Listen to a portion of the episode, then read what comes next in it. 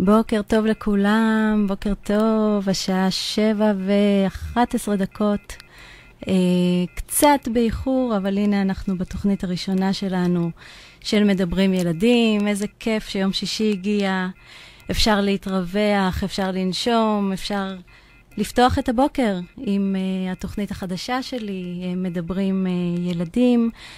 אני טל קבסה, ואנחנו ניפגש כאן כל יום שישי בבוקר בשעה שבע, ונשוחח על הדבר היקר לנו מכל, על הילדים שלנו. ובעיקר, בעיקר ננסה להבין איך אנחנו יכולים לעזור להם להתפתח נכון. אז מה אנחנו הולכים לעשות פה? אנחנו הולכים uh, להבין למה חשוב לילדים שלנו להתפתח נכון, מה זה בכלל להתפתח נכון, מה זה אומר לגדול בריא, מה הם צריכים בשביל לגדול בריא, uh, מה הם צריכים בשביל להגשים את עצמם בצורה הטובה ביותר. כי נכון, הם זקוקים לנו, ההורים, לתמיכה שלנו, לנוכחות שלנו, אבל לא פחות מזה הם זקוקים לעצמם. הם זקוקים לתשתיות יציבות, הם זקוקים לגוף יציב, הם זקוקים לבנייה נכונה של עצמם בתוך עצמם, ועל זה בדיוק אנחנו הולכים לדבר. אנחנו נדבר על החשיבות של ההתפתחות לתפקודי היום-יום, לא רק התפתחות מוטורית כהתפתחות מוטורית, אלא איך היא קשורה לתפקודי היום-יום הכי הכי בסיסיים שלהם, על היכולת שלהם לאכול, לשבת, ללמוד, לדבר. אנחנו נדבר על החשיבות המאוד מאוד מאוד גדולה של שנת החיים הראשונה לכל התפקודים שדיברתי עליהם, כי שם, בשנה הראשונה, גלומים המון המון המון סודות שאנחנו לא בהכרח מכירים ויודעים, ויש איזשהו זמן מיוחד בשנה הזאת, ואנחנו נדבר עליו. אנחנו נדבר על סיבות לקשיים או עיכובים. בקיצור, מחכה לנו תוכנית עם המון המון תוכן איכותי. אז אם יש לכם שאלות, אה, ואם אתם רוצים להגיב, אתם מוזמנים, אני אשמח. אם אתם איתנו בלייב, זה נהדר. בואו נעשה היכרות. אני טל, ואני אה, בת 47 וחצי, בואכה 48, נשואה לטל ואימא לשתי בנות, מי שמכיר אותי כבר מכיר גם אותן, תום בת 17 כמעט, ואראל בת 14 וחצי. ואני מגיעה משלושה תחומים עיקריים. Uh, התחום הראשון הוא תחום הרפואה המשלימה, לסוגי הטיפול השונים והפילוסופיות השונות. תחומי הספורט ותחומי התקשורת החינוכית יותר, תקשורת שעוסקת בהעברת מסרים, אה, תקשורת בין הורים וילדים וכולי. ולמעשה, מאז שסיימתי את הצבא, לא עשיתי שום דבר אחר חוץ ממה שאני עושה היום. הקדשתי את כל השנים ואת כל ההוויה שלי להבנת עולמם של תינוקות וילדים. ולאורך השנים, אה, בעקבות חשיפה למאות אה, רבות של תינוקות וילדים אה, במסגרות שונות, חיברתי בין הדברים, יותר נכון להגיד, הדברים התחברו לי, ויצרתי את הגישה שנקראת רפואה הוליסטית לילדים. גישה שרואה את הילד כמכלול, מכלול שמורכב גם מכל ההיבטים הגנטיים שהוא בא איתם לעולם, וגם מהרבה מאוד אה, אה, גנטיים, או, אה, סליחה, השפעות סביבתיות שהוא נחשף אליהם, גם בהיבט התוך-רחמי וגם בהיבט הרחמי. בוקר טוב, גלית, איזה כיף שאת פה. אה, ויש קשר, מתברר שיש קשר בין כל הקשרים, בין כל ההיבטים שהתינוק הזה בא איתו לעולם, לאופן שבו הוא מתפתח ולתפקודים הכי הכי הכי בסיסיים שמלווים את ההתפתחות שלו, החל מהאופן שבו הוא שוכב על הבטן ומרים את הראש אה, ועושה את אבני הדרך של השנה הראשונה. האופן שבו הוא הולך, מדלג, קופץ, מנטר, האופן שבו הוא מדבר, אוכל, מייצר תקשורת חברתית, עושה תהליכי למידה. מתברר שהכל קשור להכל. אה, ובעצם מה שאנחנו מנסים לעשות בשנה הזאת, ותכף נדבר על אם זה רק בשנה הזאת, או אולי גם בזמנים אחרים בחיים, מה שאנחנו מנסים לעשות זה לבנות תשתיות. תשתיות יציבות שיאפשרו לילד לעמוד יציב בעולם. וכשאני אומרת תשתיות, למה אני בעצם מתכוונת? אז ברמה הפשוטה ביותר, בהגדרה הבסיסית ביותר של תשתיות, שאנחנו מדברים על איזה שהם יסודות מבניים שמספקים תמיכה למערכת כולה, לעבוד בצורה טובה ושוטפת ואיכותית. אה, בדיוק כמו תשתיות בתחבורה, או בבניין, או במים. והיסודות האלה הם יסודות שאם אנחנו חושבים על בניין, אז ברור לנו שהן צריכות להיות מאוד מאוד יציבות, כי אחרת איך הבניין אה, יעמוד. אבל כשאנחנו מדברים על ילדים, הן חשובות לנו כמעט, אם לא יותר, באותה המידה. הן מחזיקות את הילד והן קובעות, הן קובעות את איכות התפקוד שלו. כשהתשתיות יציבות, כל המגדל הזה, המדהים הזה, שנקרא ילד ואחר כך אדם בוגר, אה, מוחזק ויציב. אה, הוא הרי צריך להשתמש בגוף הזה ובתשתיות האלה עוד כל כך הרבה שנים, אז חשוב שניתן שם את תשומת ליבנו. ומתברר שהזמן הטוב ביותר לבנות את התשתיות האלה זה בזמן שבו אנחנו נבנים, זאת אומרת, עם תחילת ההתפתחות. אם אנחנו מדברים על בניין, אז כמובן אנחנו עוד מתכננים לפני, וזה משול לזמן ההיריון. אה, וכמובן, כשאנחנו כבר יוצאים לדרך ועומדים כמגדל יציב. ובשנים הראשונות, השלוש שנים הראשונות נחשבות לשנים מאוד רגישות. זאת אומרת, שנים שהתינוק לומד בהם מכל חוויה שהוא נחשף אליה, והוא עושה מהחוויות האלה היקשים על אה, העולם שבו הוא מתפתח. אה, ומאוד מאוד חשוב בשנים האלה להתנסות בכמה שיותר חוויות, ורצוי שהן יהיו כמה שיותר חוויות בונות וטובות. בתוך התקופה הזאת של השנים הרגישות, יש גם תקופות שהן יותר מכריעות. זאת אומרת, תקופות שבהן אנחנו יודעים שנבנים בהן תפקודים מסוימים שאם הם לא נבנים, אז הגוף יצטרך לעשות איזשהו מעקף אחר כך. אבל בסך הכל, השלוש שנים הראשונות הן שנים שבהן שווה לנו מאוד להשקיע בבניית התשתיות האלה.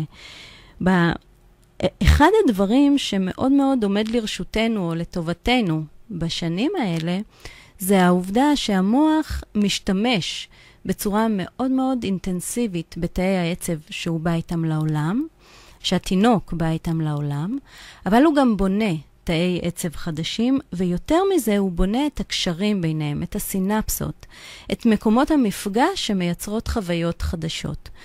וה, הזה הוא מאוד מאוד מאוד פלסטי וגמיש ו, ומשתנה. בשנים הרגישות האלה, וזאת הסיבה, שוב, שאנחנו רוצים לשים שם את תשומת הלב.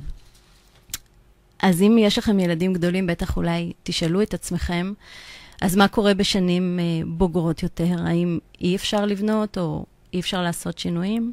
אז בוודאי שכן. הפלסטיות של המוח עדיין קיימת, אם כי במידה uh, שונה, uh, ועדיין אפשר לשנות ועדיין אפשר להשפיע. זה רק ייקח קצת יותר זמן, אולי קצת יותר משאבים, אולי קצת יותר אה, אנרגיות, אבל בוודאי שכן, וגם על זה אנחנו הולכים לדבר בתוכנית שלנו. גם על המקרים האלה שאולי אתם מרגישים שמשהו התפספס בתהליך ההתפתחותי, בתפקוד היומיומי, ואתם אולי שואלים את עצמכם, האם עוד יש דרך לשנות? אז המקום שממנו אני מגיעה הוא מקום שאומר שתמיד, אבל תמיד, יש לנו מה לשנות, ותמיד יש לנו איך לשפר תפקודים. ומתברר שדווקא לכם, ההורים בבית, יש כוח מאוד מאוד גדול בעניין הזה. זאת אומרת, מעבר ל, לעובדה שאנחנו משתמשים באנשי מקצוע ושולחים את הילדים לטיפולים או לתמיכה וליווי וסיוע, לנו, ההורים בבית, יש את האפשרות לעשות שינויים מהותיים.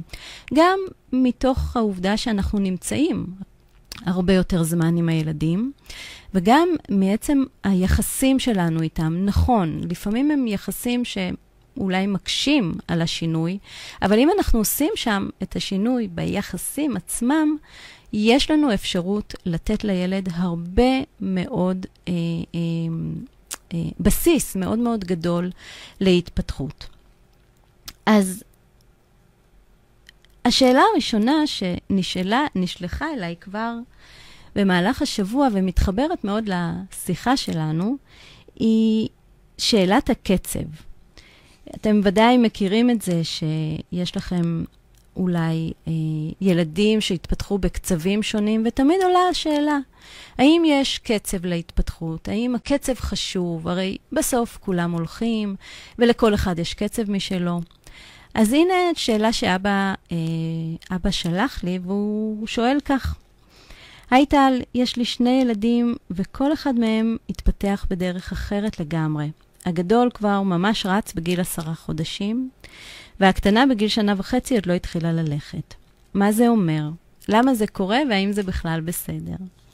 אז הנה שאלת הקצב שכולכם, אני בטוחה, אה, מזדהים איתה, והתשובה שלי היא שכן, יש חשיבות לקצב. הקצב הוא חשוב, אה, האופן שבו אנחנו עושים תהליכים אה, חשוב ב, ב, בעיקר בגלל הנושא הזה של התשתיות, אה, בניית התשתיות והשנים הרגישות. אה, וכן, הקצב הנכון, שעליו עוד נדבר בתוכניות הבאות שלנו, אה, הוא קצב שמותאם לכל הילדים, זאת אומרת, כולם עושים תהליכים מאוד מאוד דומים בהתפתחות שלהם, ויש מידה מסוימת של הבדלים אישיים. זאת אומרת, יש סטיות לכאן או לכאן, אבל כן, כולם עושים את הדרך באותו האופן, עם אותה רכישה של אבני דרך, עם קצבים דומים, והסיבה היא שיש להם הרבה מה להספיק, וכל שלב משמש בסיס לשלב הבא. אז אם הם רק הולכים בגיל שנתיים, זה אומר שהם, שחסר שם איזשהו משהו, הרי לא סתם הם לא הגיעו להליכה בגיל שנתיים, ו- ואותו משהו שחסר הוא משהו שצריך להשלים אותו כדי שהילד ידביק את הקצב. אז, אז אם אני מתחברת בחזרה לשאלה של, של האבא, אז כדי שנבין את ההשפעה של הקצב, בואו נעשה איזושהי אה, סימולציה קצרה או איזושהי מחשבה קצרה. אז אבא יקר, אני מקווה שאתה אה, מקשיב לי, אה, אבל בוא נדבר רגע על הילד הגדול שלך, שאתה אומר שהוא הלך בגיל עשרה חודשים. אז אני מעיזה אה, להעריך ולחשוב שהוא גם מראה אולי איזה שהם סימנים של אי שקט, של תזזיתיות, של קושי לשבת במקום אחד לאורך זמן, אה, של קושי לשבת לאכול, כי אין לו כל כך זמן לאכול. אה, אולי קשה לו בשינה, אולי קשה לו להיכנס לשינה, ואולי קשה לו לשמור על שינה רציפה, ואולי הוא מאוד מאוד מוסך, והוא נראה לכם מאוד סקרן, אבל למעשה הוא לא מצליח לשבת לאורך זמן ולחקור משחק או איזושהי אה, אה, חוויה מסוימת. וכן, זה קשור בקשר ישיר לקצב שבו הוא הלך. ללכת בגיל עשרה חודשים זה מאוד מאוד מוקדם. אני אדבר בתוכניות הבאות על מה קורה שם, למה זה קורה ואיך אפשר אולי למתן את זה, אבל זה, זה מאוד מוקדם. ואם אנחנו נתייחס לילדה השנייה שלך, שאתה אומר שהיא הלכה בגיל שנה וחצי, אז שוב, אני מעיזה להגיד שיכול להיות שאולי היא מראה קצת יותר אה, נמנעות, ואולי יש לה אה, העדפה להיות דווקא במנחים סטטיים. יותר לשבת מול השולחן, אולי להיות מול שולחן היצירה, אולי להיות מול אה, פעולה שהיא... אה, משחקית, אישית, סביב איזשהו מרחב יותר סגור. אה, אולי היא מאוד מאוד אוהבת לישון או צריכה לישון. אה, אולי יש לה העדפה למרקמים רכים, ולא סתם אני זורקת את המחשבות האלה, כי הכל מתחבר, יש הסבר להכל. אז קצת, אה, זו קצת מחשבה על נושא הקצב, וקצת אולי עבורכם ההורים להבין ש... בסטיות המשמעותיות מהקצב יש השפעות. זאת אומרת, יהיו לזה איזה שהם אה, אה, אפקטים על תהליך ההתפתחות, ואנחנו צריכים להיות מודעים להם כדי להסביר לעצמנו למה זה קורה, וכמובן כדי לתת מענים טובים. אז כבר הבנו, אה, הבנו שמאוד מאוד חשוב לנו לבנות תשתיות יציבות. אה, אבל מה זה? מה אלה התשתיות שהתינוק שלנו בונה? במהלך השנה הראשונה לחיים ובשנה השנייה, התינוק בונה חמש תשתיות שמשרתות אותו לאורך כל ימי חייו, גם אותנו, הבוגרים, המבוגרים, ההורים, גם אותנו התשתיות האלה משרתות, ומתברר שאפילו די באותו האופן. אז התשתית הראשונה שאני רוצה לספר לכם עליה היא תשתית שנקראת תשתית המוטוריקה. היא התשתית שמכילה את כל המידע התנועתי. היא מדברת על כל השרירים ועל ההתפתחות של היציבה, ועל השרירים בצד ה... בפן החיצוני, בחלק החיצוני של הגוף שלנו, אבל גם השרירים הפנימיים של הגוף שלנו. זאת אומרת, גם שרירים גדולים כמו ידיים, רגליים, גב, שרירים שמחזיקים אותנו בפעולות היום-יום, אבל גם שרירים יותר קטנים, כמו למשל השרירים של אזור הפה או השרירים של העיניים. וגם שרירים פנימיים, כמו השרירים שמניעים את הקיבה, מניעים את האוכל בוושת, מניעים את הפסולת במעי. כל הדבר הזה נקרא תשתית מוטורית. כי כל דבר שיש בו שרירים קשור בתנועה. וזה רמז להראות לכם, או, או ככה לזרוק, לכך שכל מה שקשור בתנועה ייכנס לתשתית הזאת. זאת אומרת, גם אם מדובר בתנועה גדולה של הגוף, גם אם מדובר בתנועה ממש ממש קטנה, כמו תנועה של הפה. התשתית השנייה היא תשתית שנקראת שינה וויסות. לא סתם אנחנו מדברים על שינה וויסות ביחד, כי שינה היא סוג של וסת, אני אדבר על זה בהמשך. אבל זאת התשתית שאחראית ליצירת הוויסות שלנו. מה זה הוויסות? זה היכולת שלנו להגיב בצורה אה, מותאמת ומתאימה לסיטואציות, בצורה שהיא הולמת סיטואציות. זאת היכולת שלנו לבנות הרגלים וסדרים ומעברים, לעשות מעברים בצורה טובה ממצב למצב, ממקום למקום, כי הרי כל מצב מזמן לו גירויים מסוימים ואנחנו צריכים להסתגל אליהם. ובמילה אחרת, ויסות זה תהליך ההסתגלות, זה היכולת שלנו להתאים את עצמנו למצבים המשתנים של החיים. ופה, בתשתית הזאת, אנחנו מדברים גם על הרגלים של היום-יום, זאת אומרת, ויסות של רעב ושובע, ויסות של שינה וערות, ויסות של משחק והרגעה, ויסות של החושים, ויסות רגשי, ויסות עצמי. כל ההיבטים שבאיזשהו אופן אנחנו חושבים עליהם כהיבטים רגשיים, אבל עם הזמן ועם ההיכרות שלנו, אנחנו נבין שזה לא בהכרח רגשי, לפעמים זה דווקא מוטורי. תכף נבין למה אני אומרת שזה מוטורי. התשתית השלישית היא תשתית שמדברת על הבריאות, וגם היא נמצאת בתוך המעגל. זאת אומרת, בריאות זה משהו שהתינוק שלנו בונה עם השנים. היא קשורה אה, אה, ל, ל, למוטוריקה שלו, היא קשורה לוויסות שלו, היא קשורה לתזונה שלו, מיד אני אדבר על התשתית הזאת. ובתשתית הזאת אנחנו בודקים האם הילד שלנו בריא, ומה זה ילד בריא? האם זה שהוא חולה באופן תדיר ו- וקבוע במרווחי זמן קצרים, זה מעיד על בריאות, או אולי זה מעיד על בריאות שהיא פחות uh, יציבה? ואיך נראה, נראות המחלות שלו? האם... הם, אה, אה, האם מדובר במחלה כמו שאנחנו אוהבים לראות מחלה, עם חום ומין סמרטוטיות שכזאת, וחוסר רצון לאכול? אה, ואז אחרי שלושה-ארבעה ימים יש החלמה, חזרה לשגרה, אבל יותר מזה, יש איזושהי קפיצה בהתפתחות של הילד? או האם יש איזשהו טפטוף קבוע של חולי? נזלת שנמשכת שלושה וארבעה חודשים, שיעול טורדני שכל הזמן נמצא שם, שלשולים קבועים וכולי, שלכאורה אנחנו לא מתייחסים למצבים האלה כאל מצבי חולי. אבל זאת שאלה, האם הוא חולה או האם הוא בריא? האם הוא מצליח להגיע למצב שבו אין סימפטומים כאלה והוא פנוי רק לדברים אחרים, להתפתח, לגדול, לאכול? שאלה מעניינת. התשתית הרביעית שלנו, לא בהכרח בסדר, היא תשתית התזונה.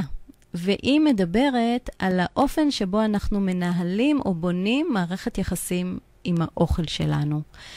זה אומר אה, איך אנחנו אוכלים, מה הרגלי האכילה שלנו, מה הרגלי האכילה בבית, האם אנחנו יושבים סביב שולחן, האם אנחנו אוכלים תחת הסחות דעת, האם אנחנו מאכילים את הילדים בזמן שהם יכולים לאכול בעצמם.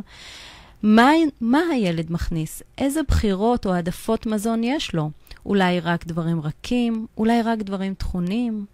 אולי אה, רק דברים מתוקים? או רק דברים לבנים? או רק דברים קשים? כל העדפות האלה קשורות בקשר ישיר לתהליך ההתפתחותי שלו, ולאו דווקא להעדפות רגשיות. וכל כל השיחה הזאת סביב המזון והתזונה, שנדבר עליה המון, אה, היא שיחה שאנחנו נקשר אותה אה, דווקא לתשתיות אחרות. אנחנו נקשר אותה גם לתשתית המוטורית, ואנחנו נקשר אותה גם לתשתית הבריאות, וכמובן, לתשתית הוויסות. והתשתית האחרונה שנבנית בשנים האלה, היא תשתית אה, שנקראת חינוך, חינוך ואווירה משפחתית, והיא תשתית מיוחדת, כי נדמה לנו שאולי היא משפיעה על הילדים באופן עקיף. אנחנו מדברים על היחסים בבית, על אה, דרכי החינוך, על אה, הצבת הגבולות, על הסמכותיות, על כלים כמו עונשים או פרסים או דברים מהסוג הזה, דברים שאתם ודאי מכירים ונתקלתם בהם, ומן הסתם גם מתמודדים איתם אה, ביום-יום. אבל מדובר בתשתית שמשפיעה דווקא לא באופן עקיף, אלא מאוד מאוד מאוד ישיר. היא משפיעה על היכולת של הילד להתנסות, היא משפיעה על היכולת שלו לעשות שינויים, על היכולת שלי לנהל שינויים בבית. אמ, היא משפיעה על התקשורת שלנו, היא משפיעה על איך אנחנו בונים את היחסים בינינו. ולכן זו תשתית מאוד מאוד מהותית, גם עליה אנחנו נדבר, אבל נדבר עליה בהיבטים קצת אחרים, גם בהיבט הרגיל שאולי מוכר יותר, שנקרא הדרכת הורים, אבל גם בהיבטים קצת אחרים. אה, אז אלה חמש התשתיות, וכל אחת מהן מתפתחת אה, בעצמה, אבל מה שיותר מעניין אה, זה לראות איך הן משפיעות זו על זו. זאת אומרת, מה, ה, מה מערך יחסי הגומלין בתוך התשתיות האלה. התשתיות האלה נעות במעגל. כל אחת משפיעה על השנייה. אז התשתית של המוטוריקה משפיעה על הוויסות והשינה, והשינה משפיעה על התזונה, והתזונה משפיעה על הבריאות, והבריאות משפיעה על החינוך, וכך המעגל הזה זורם וזורם וזורם.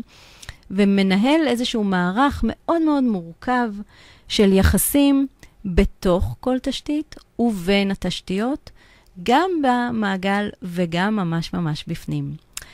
וכדי שקצת אה, נתחבר לזה אה, ונבין את זה, אה, אני רוצה לתת לכם דוגמה.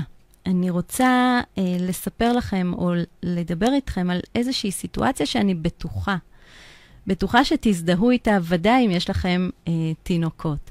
אז יש לכם תינוק בן שלושה וחצי חודשים, אה, והוא מאוד מתקשה להירדם. הוא מתקשה אה, אה, לחבר מחזורי שינה, הוא מתקשה מאוד מאוד בהרדמה, וכדי להרדים אותו, אתם מוצאים את עצמכם אה, מרימים הרבה על הידיים, מתנועים, קופצים על כדור, אולי אה, הולכים אה, בעגלה, אולי אה, נוסעים באוטו, הכל כדי להביא אותו למצב של הרדמות. ואז ברגע הזה, אולי מניקים, זה גם אה, בהחלט אפשרות. ואז ברגע, אבל ממש בשנייה, שאתם מנתקים אותו ומחזירים אותו למיטה, הוא מתעורר. אז הוא מתעורר, הוא בוכה, וכל הסט הזה שדיברנו עליו מקודם חוזר חלילה, וכך בעצם נעשות ההרדמות, או כך נראית השינה. אבל אם נסתכל רגע על הילד הזה, שלא בזמן השינה, אלא דווקא בזמן הערות, אנחנו נגלה בדרך כלל, יש כמובן המון צורות, אבל זאת אחת הצורות היותר שכיחות, אנחנו נגלה שהוא אה, מתקשה מאוד להיות לבד. הוא מתקשה לשכב על המזרון, הוא מתקשה לשכב על הבטן. אה, לא נוח לו, לא נעים לו, הוא, אולי הוא מקשיט את הגב, אולי הוא נכנס לתנוחה הזאת שאנחנו קוראים לה תנוחת אווירון, שאתם ודאי מכירים, ואולי הוא מעדיף בכלל להיות על הידיים, וגם כשהוא על הידיים, הוא מחזיק את עצמו בצורה מאוד מאוד יציבה, ונדמה לנו שהוא מאוד מאוד חזק. אמ, ויש איזשהו משהו ביום-יום שנדמה לנו שהוא לא מספיק זורם, הוא לא מספיק נינוח. והמצב הזה, שמתבטא בשינה, בכלל לא קשור לשינה. וזאת דוגמה לאיך התשתית המוטורית מתחברת או משפיעה על תשתית השינה. כי בעצם מה שקורה זה שהתינוק שלנו, המתח השרירי בגוף שלו מאוד מוגבר. ואחד הדברים הראשונים שאנחנו חייבים כדי להיכנס לשינה זה הרפייה. בלי להיכנס לשינה, בלי להרפות את השרירים, בלי להוריד את המתח השרירי, אין אפשרות להיכנס לשינה. גם אצלנו המבוגרים, אתם בטח מכירים את המצב הזה שאתם חוזרים הביתה ואתם עם אדרנלין מאוד גבוה, בין אם הוא ממצב חיובי ובין אם הוא מאיזשהו סטרס, ואתם מתקשים ללכת לישון. ואז אתם צריכים לעשות איזושהי סדרה של פעולות שתעזור לכם להירגע. אז אולי אתם אוכלים ואתם רואים טלוויזיה ואתם אולי יוצאים לריצה, או לא משנה, כל אחד עם מה שעובד לו, אבל בעצם מה שאתם עושים זה מפרקים. מפרקים את הטונוס הזה, כדי שתוכלו, כדי שהגוף יוכל להרפות את עצמו ולהיכנס לשינה. וזה בדיוק מה שקורה אצל הילד. המתח השרירי שלו מוגבר, אני אדבר בהמשך על למה זה קורה, איך זה קורה, על מה זה משפיע וכולי. ומכיוון שהמתח הזה מוגבר, הוא לא מצליח להרפות לבד באופן עצמאי ולהיכנס לשינה, אז אתם עוזרים לו. אז אתם קופצים ומטיילים אה, ומניקים, וברגע שהטונוס הזה קצת יורד, הוא נרדם. אבל ברגע שהוא חוזר לנוע, הטונוס שוב עולה והוא מתעורר. ובמצב הזה, כדי לעזור לו לישון, אנחנו בכלל לא צריכים להתייחס לשינה. אנחנו דווקא צריכים לעבוד על הגוף, דווקא צריכים לעבוד על התנועה. צריך לפרק את הטונוס, ואז לעשות תהליך שינה, שלרוב גם יהיה הרבה יותר אה, מהיר ואיכותי ויעיל. אז הנה דוגמה אה, לקשר בין מוטוריקה ושינה, ואיפה נכנס פה הוויסות? אז כמו שאמרתי, שינה היא וסת. גם אנחנו, כשאנחנו אה, חוזרים הביתה מיום עמוס, כל מה שאנחנו צריכים או מבקשים לעצמנו זה כמה דקות של מנוחה. לעצום את העיניים, אולי לשים מוזיקה, אולי לבהות בטלוויזיה, אבל איזשהם, איזשהו אה, מצב כזה שלא דורש מאיתנו פעולה. אנחנו נכנסים למצב שמווסת אותנו, מווסת את עוצמת הרעשים במוח. ואז אחרי עשר דקות, רבע שעה, ארבעים דקות שינה, לא משנה, כל אחד עם עצמו, אנחנו חוזרים לעצמנו וחוזרים ממקום חדש, נקי. וזאת פעולת ויסות, ולכן שינה מופיעה בתשתיות יחד עם הוויסות. היא גם תהיה קשורה ל... לאוכל ולמשחק ולדברים אחרים, אבל על זה נדבר בזמן אחר. אז הנה דוגמה, דוגמה מאוד מוחשית, ואני בטוחה שאתם מכירים אותה, בין אה, מוטוריקה לשינה ולוויסות. ואת הדוגמה הבאה שלי אני רוצה לעשות דווקא אה, על, אה, על הקשר שבין אה, תזונה למוטוריקה. עינת, איזה כיף שאת איתי, תודה, תודה. אמ, מה הקשר? איך מוטוריקה קשורה לתזונה? הרי אנחנו יודעים שתזונה זה אוכל, ואו שהילד אוכל, או שהוא לא אוכל, או שהוא בורר מזונות, או שהוא מתקשה ל- אה, אה, לאכול באופן עצמאי, אבל זה קשור לאוכל. איך זה קשור למוטוריקה?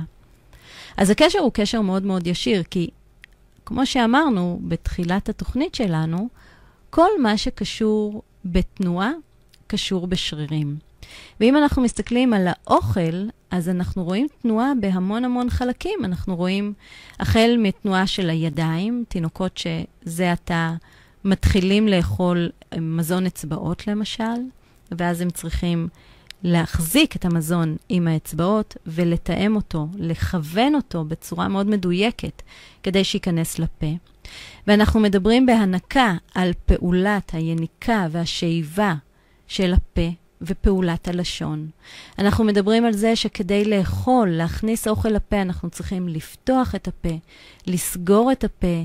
לה, לה, אה, אם אנחנו חותכים, אז אנחנו גם צריכים ללעוס עם השיניים. אה, אנחנו מערבבים את האוכל בפה עם הלשון, הלחיים שלנו משתתפות בפעולה. בית הבליעה משתתף בפעולה, השרירים של מערכת העיכול משתתפים בפעולה. אז בעצם, למעט המזון עצמו, כל מה שקשור באכילה עצמה הוא בכלל מוטורי, הוא בכלל לא תזונתי. והוא זה שיכריע בסופו של דבר האם הילד שלי יתקשה לאכול, או שאולי הוא לא יתקשה לאכול, יהיה לו קל לחתוך, לגרוס. אולי הוא יעדיף דווקא מזונות אה, רכים, כאלה שלא ממש אה, דורשים ממנו עבודה של הפה, אלא הם נכנסים ונשטפים ישר לתוך המערכת. אה, אולי הוא מתקשה בהתארגנות של כלי האוכל, וזה משהו שיכול לחצות גם את הגבולות של גיל שנה ושנתיים, זה לא שמור לקטנטנים. אה, אז כל מעברי האכילה, בין ההנקה לבקבוק, בין הבקבוק למזון המוצק, בין המזון המוצק למזון האצבעות, ומהמזון אצבעות לתפריט ממש של ילד בוגר. אה, אני בטוחה שמי שמקשיב לי אה, אה, יכול למצוא לפחות מישהו או שניים שהוא מכיר, שחווים איזושהי רגישות למזון, בררנות במזון, אה, קושי עם מזון, אה, ודעו לכם, זה לאו דווקא קשור למזון, זה יותר קשור למערכת המוטורית והחושית. ואחד הדברים המעניינים אה, לראות זה שמה שאנחנו, זה שאיך שאנחנו אוכלים, כלומר, החלק המוטורי, מתחבר עם מה אנחנו אוכלים, ובסופו של דבר מגדיר לנו את הבריאות. זאת אומרת, אם הילד שלי מנוזל באופן קבוע, או אה, יש לו כאבי בטן באופן קבוע, או הוא רק נכנס לגן, ומאז שהוא נכנס לגן הוא כל הזמן חולה, אני לא בהכרח צריכה לטפל במערכת החיסון. אני קודם כל צריכה לבדוק מה קורה במערכת המוטורית, ומה קורה במערכת הוויסותית, ורק, וכמובן, מה קורה בבחינת, בבחירת המזונות שלו, ורק אחר כך לבדוק איך בונים את התפריט שלו. אז אלה איזושהי, זו, זו איזושהי הסתכלות ראשונה על מה הולך להיות פה בתוכניות הבאות.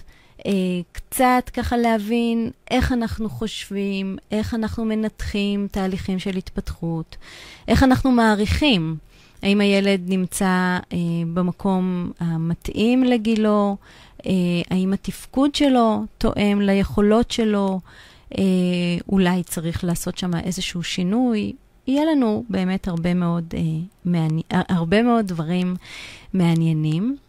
אה, וככה רק אה, לסיום התוכנית הראשונה הזאת, שעושה לנו איזושהי חשיפה, אני רוצה להזמין אתכם, חברים ומאזינים וצופים, אה, לשלוח שאלות שמעניינות אתכם, נושאים שהייתם רוצים שנדבר עליהם, שאלות שמטרידות אתכם, אולי אה, דברים שאתם מתמודדים איתם והייתם רוצים לקבל איזושהי אה, חוות דעת או הסתכלות מכיוון מעט אחר. אה, תוכלו למצוא אותי כמובן כאן, בכל יום שישי בשבע בבוקר. תוכלו למצוא אותי בקהילה המדהימה שלנו בפייסבוק, ש... בפייסבוק שנקראת uh, הורים לומדים, uh, שמכילה המון תוכן והדרכות ומידע שיכול לעזור לכם לעשות תהליכים. כמובן, בדף הפייסבוק שלנו, רפואה הוליסטית לילדים, uh, וכמובן בפרופיל הפרטי שלי. אז רגע לפני סיום, אני רוצה אה, לאחל לכם שבת אה, מבורכת וטובה, רגועה ושלווה, אה, מחשבות טובות, ובעיקר שניפגש כאן שוב ביום שישי הבא בשעה שבע בבוקר. להתראות.